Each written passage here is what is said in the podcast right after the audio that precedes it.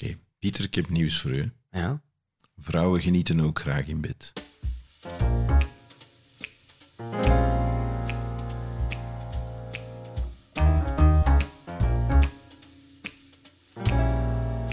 Ik heb deze week iets geleerd.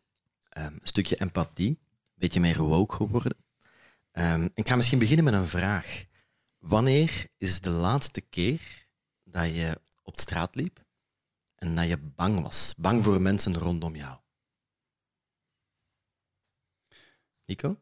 Ik denk, ehm, het zal nog niet zo heel lang geleden zijn geweest, toen ik um, s morgens vroeg om vijf uur naar Parijs vertrok en in Brussel midi, centraal is dat, Ja. hè? Brussel Dat is een beetje louche. Ja, ehm, de, de TGV moest pakken naar Parijs en ik had twee koffers vol met fotomateriaal bij. Eh, nu, dat materiaal kan mij gestolen worden, bij wijze van spreken.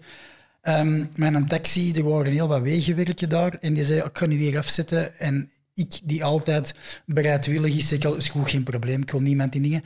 En dan heb ik toch nog 800 meter daar en gepasseerd daar Ja. Loesje types, waar dat je denkt van dat ze loesjen, omdat ze niet gekleed zijn gelijk dat jij, en weet ik veel wat. Guido? Bang? Eigenlijk nooit. Maar als ik een situatie moet bedenken, Ik moet er ook bij zeggen, Guido is gemiddeld 20 centimeter groter dan de gemiddelde mens. de Nico is En groter twee keer zo breed. Ah ja, maar jij ook niet. Maar ja, voilà. Ja, maar, maar nee, angst of schrik. Maar ik ben wel in Brussel opgevoed. Dus als we nu één stad hebben die die naam waard is in, in Vlaanderen, dan is het wel Brussel. En buitenlanden? Of, eh, Ik was aan het denken, maar dat klinkt niet goed. Hè, maar ik, ik, had, ik heb het heel moeilijk gehad. Ik vond dat heel confronterend de eerste keer dat ik in Marrakesh kwam. Ja. Ik vond dat te veel. Te veel Anders. indrukken. En, sorry? Te anders. Ja, te anders. Dat heeft mij volle 24 uur gekost voordat ik mij op mijn gemak voelde. Dat vond ik, ik vond dat redelijk confronterend, maar dat was niet angst. Maar dat is de basis van angst, hè, iets dat anders is natuurlijk. Hè. Ja, en Ja. Ik, ik moet eerlijk zijn, ik moet ook al naar buitenlandse ervaringen gaan graven. Of, eh, laat ons eerlijk zijn, we zijn mannen, ehm, gezonde, virulente, relatief jonge mannen. Dus wij staan redelijk aan de top van de food chain. Ehm, maar inderdaad, als je dan nog eens mannen in groep, of bezopen mannen in groep, of mannen in groep die luid gesticuleren en waarvan je de taal niet begrijpt, of wiens lichaamstaal je niet kan lezen, dan kan het zo wel eens louche worden. Heb er nog één, denk ik. Als je dat nu zegt, eh, ben eens naar een voetbalmatch op Standaard geweest. Als niet Standaard van. Ai, en gaat niet de juiste kleuren aan. Ben nee, ja. Eh, en de- dat moet ik ook zeggen, dat is een zeer... eh, allee, als je het nu hebt over mannen ondereen, groepen mannen, Ja. dat is een situatie waar ik denk van, ik, kom naar, ik ga naar voetbal kijken om een match te zien. Om wat te lachen en te banteren met, met de mensen rond mij. Maar nooit van, allee, hoe, hoe serieus kun je het nemen? Maar dat je wel voelt, dit kan wel Ja. eens mislopen. Je moet daar niet stom doen. Ja. Je moet je, allee, je, moet je verstand blijven gebruiken. Ja. Zoals dat je ook denkt, met twee bakken eh duur materiaal in Brussel in de donker. Deze is niet het moment om mij te overvallen. Ja, dit kan wel eens mislopen. Maar dat is waarschijnlijk ook een moment dat je ogen in je rug wilt hebben. En dat je iedereen als een potentiële, Klopt. Ik ben Agressor dan, ziet. ben dan, ja, dat is wat je normaal gezien niet doet. Ja. Nee, want ik ben niet zo bang van aard, ook niet. Want ik moet ook al naar het buitenland grijpen. Ooit is een, een, een aantal workshops mogen leiden in, eh, in Beirut, de fantastische hoofdstad van Libanon. En dat was een prachtig hotel, helemaal gerenoveerd, langs het water. Ehm, maar dat was blijkbaar zo op de grens van een aantal wijken met de Hezbollah. Mhm. En ja, dat hotel had zo ja, bewakers en ik was eh eens een wandelingsken aan het doen, zelfs overdag. En ik ben iets te diep die wijk ingewandeld. En je voelt zo die sfeer veranderen. Zo de ene een blanke, zo ander. En deze klopt niet. Ik heb toch redelijk subtiel mijn kar gekeerd. Maar dat ik echt voelde, dit is fysiek Ja. bedreigend. Hier moet ik oppassen. Ja. Er is, het omgekeerde bestaat ook. Hè. Ben ik naar Israël geweest. Oh, En De overdreven veiligheidsmaatregelen in elke mall, in elk station, dat is op den duur voel je, allee, begint, de- je begint paranoid te worden. Maar ik heb dus deze week geleerd ehm, dat vrouwen die s'avonds op straat lopen en die een man kruisen, daar vaak bang voor zijn. Of bang dat die man wel eens iets kan doen. En ik moet heel eerlijk zijn, ik wist dat niet. ik vind dat... Ik wist dat ook niet. Je beseft dat wel. Er is een verschil met beseffen en weten hoe dat, dat voelt en die dat eens uitgelegd krijgen. Ik denk dat ik dat wel beseft. Ah ja, het is s'avonds laat. Een vrouw zal zich wel wat bang voelen om naar huis te gaan. Maar ik denk niet dat wij als mannen snappen wat dat, dat bang is. Nee. Ja, en, en wat er door uw hoofd gaat dan. En want het, het, zijn een, het is een, een serie van nieuwsberichten, recent nog in Geubels, eh, andere getuigenissen, MeToo enzovoort, waarbij vrouwen zeggen, als ik naar huis loop, dan heb ik eh, mijn sleutels tussen mijn vingers.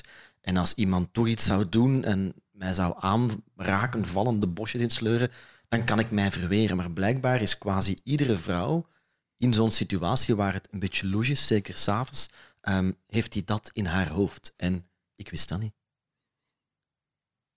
Ja, maar wat kun je daaraan doen? Allee, bedoel, als ik een vrouw passeer in een bos bijvoorbeeld. Als ik S'nachts? ja, nee, s'avonds met de honden. Ja.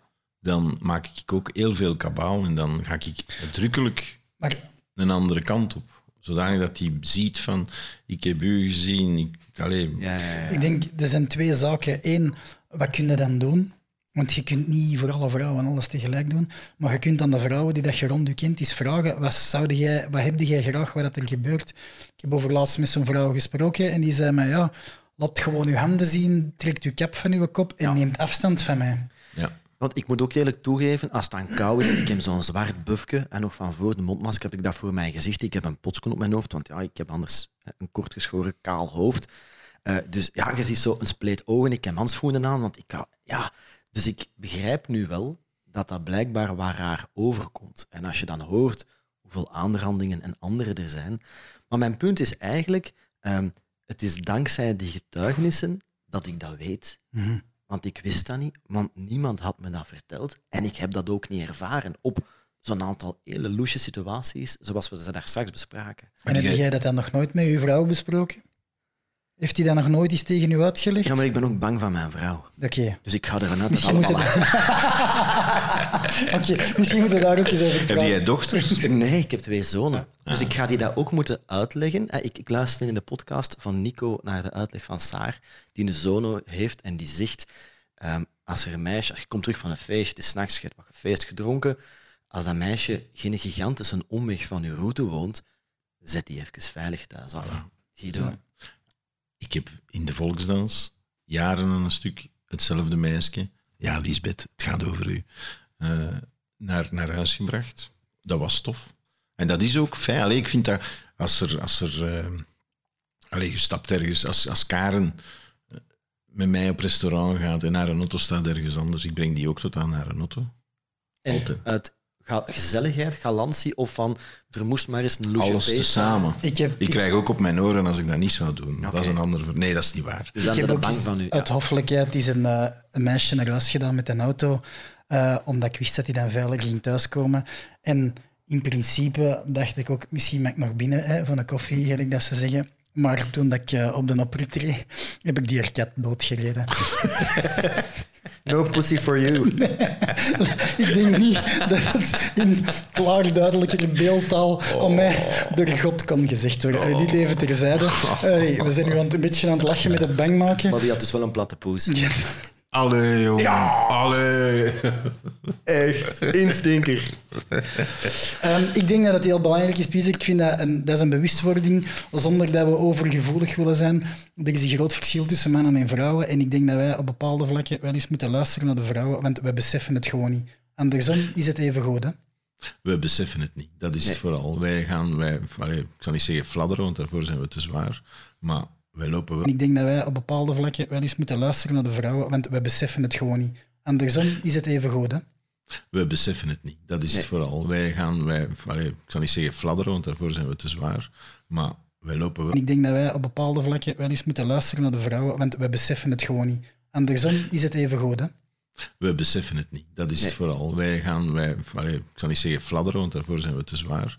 Maar wij lopen wel. Of niet tussen de regels. Dus je mag dat gerust zeggen. En ik ga ook nu die boodschap doorgeven aan mijn zonen. Hè? Ik lees wel tussen de Ja, ik, lees, ik lees ook heel goed tussen de regels. ik kan Ja, dat niet. Ik ben echt een letterlijke. Nee, nee, nee, nee ik, niet. ik lees ook vlotjes tussen de regels. Yes. Maar ik wou nog even op uw dingen inkomen. Ik doe niet mee aan insinuatie. Dat is te veel moeite. Ja, maar het gaat niet over insinuaties, het gaat over Wat wat er- zou die nu bedoeld Nee, hebben nee, als nee, die nee. dat zegt? Het is hetgeen heel vaak wat dat er wordt besproken en de lichaamshouding, dat zijn soms twee totaal verschillende zaken en je moet die twee met elkaar wikken en wegen en zien wat dat er eigenlijk bedoeld wordt. Maar wat ik eigenlijk wou, hetgeen heel vaak wat dat er wordt besproken en de lichaamshouding, dat zijn soms twee totaal verschillende zaken en je moet die twee met elkaar wikken en wegen en zien wat dat er eigenlijk bedoeld wordt. Maar wat ik eigenlijk wou, de enigste keer dat ik in mijn leven bijvoorbeeld met verkrachting te maken heb gehad, is inderdaad op mijn 16 jaar, toen mijn zuster blijtend thuis kwam om te vertellen dat haar vriendin in het bos 800 meter van bij ons door een kerel van de straat was verplukt en verkracht. Allee, joh. En Jezus. dat is de eerste keer dat ik... En daarna keek ik dat kind ook gewoon in de ogen. Allee, ik bedoel, ik weet wat daarmee is gebeurd. En dat is de eerste keer in mijn leven dat ik besefte... Allee jong, die weg van de fauna tot bij ons, is die nou zo gevaarlijk? Ja, ja en, en ik dacht ook altijd, ik heb geen kwade intenties, dus ik ben niet bedreigend, dus je bent niet bang van mij. Maar als ik gewoon s'avonds rondloop eh, met donkere kleren en een muts en een, een buffje voor mijn gezicht, ja, dan weet iemand dat niet. Want die houden gewoon rekening met de kans om de zoveel tijd dat iemand dat doet. Dus ik denk altijd, but one of the good guys. Er moet een verschrikkelijke... Allee, ja, we staan daar inderdaad te weinig bij stil. Hoe ja, bedreigend dat dat is. Hè. Je komt uit de café, je moet nadenken. Raak ik veilig aan mijn auto? Ga ik iets tegenkomen? Elke mens die je tegenkomt, evalueren op zijn slechtigheid. Wat een afschuwelijke situatie. Ik heb drie dochters. Ik heb doodsangsten uitgestaan als Ja? ik wegging. Maar ja, natuurlijk. Maar dan als ik hoorde wat dat ze allemaal gedaan hebben, dacht ik van ja, het is uw eigen fout. Ah, wel, mijn, dochter, mijn dochter van 11 eh, vroeg eergisteren aan mij... Papa, pepperspray, is dat pijnlijk? Ik zeg, schatje, dat is heel pijnlijk. Waarom stelde jij die vraag? Ah ja, ik zou me veiliger voelen als ik dat op zak heb. Ik zeg, kindje, je bent 11 jaar. Maar eh, ik zeg, en dat is illegaal. Dat weet ik. Maar ik heb wel deodorant bij. Zeg, dat is ook pijnlijk als je dat in je ogen krijgt. Maar dus die zijn daar wel mee bezig, hè? Ja. 11 jaar. Goed, dus to round up, we hebben iets geleerd. Ik heb iets geleerd, jullie wisten dat blijkbaar al. Ik ben iets meer woke geworden. En we staan nog open voor tips om eigenlijk te uiten dat we niet bedreigend zijn. Als dat natuurlijk niet dan gaat overgenomen worden door welbedreigende mensen die dat doen om zichzelf te camoufleren. Ja. Maar dus zeg het ons en zeg het mij letterlijk. ja, Pieter moet je het letterlijk zeggen. Niet insinueren, want dan ga je het niet doorhebben. Je kunt er ook, even om het, om het dan nog een contrapunt te geven, het is erg dat je daar tips moet voor krijgen. Ja, Maar ja, het is toch gezond verstand ook. ja, ik weet het niet. Ja, maar gezond verstand, het is stukje- gezond verstand, maar je, wist, je zit er zelf ook niet altijd bewust van. Hè? Excuseer. De e- oorspronkelijke vraag was, heb je u al ooit bedreigd gevoeld? En dan hebben we gezegd van ja, in bepaalde situaties, dan is het gesprek naar vrouwen gegaan. En nu besluit Pieter met te zeggen van, zeg het ons. En ik denk, nee. Zeg Nee, want dan nee, zit het terug aan de Nee, verkeerde het, kant. het, het punt is, ik heb iets geleerd omdat er vrouwen zijn die getuigd hebben, onder andere in Geubels of andere media, rond alles rond seks. Denk ook aan Femme de la Rue of Fille de la Rue van die, Ja. die reportage. Doorheen de tijd heb ik die dingen geleerd, want iemand heeft het gezegd, luidop, ergens waar ik er ja, aan, aan exposed was en niet van kon wegduiken. Oké, Pieter, ik heb nieuws voor u. Ja? Vrouwen genieten ook graag in bed.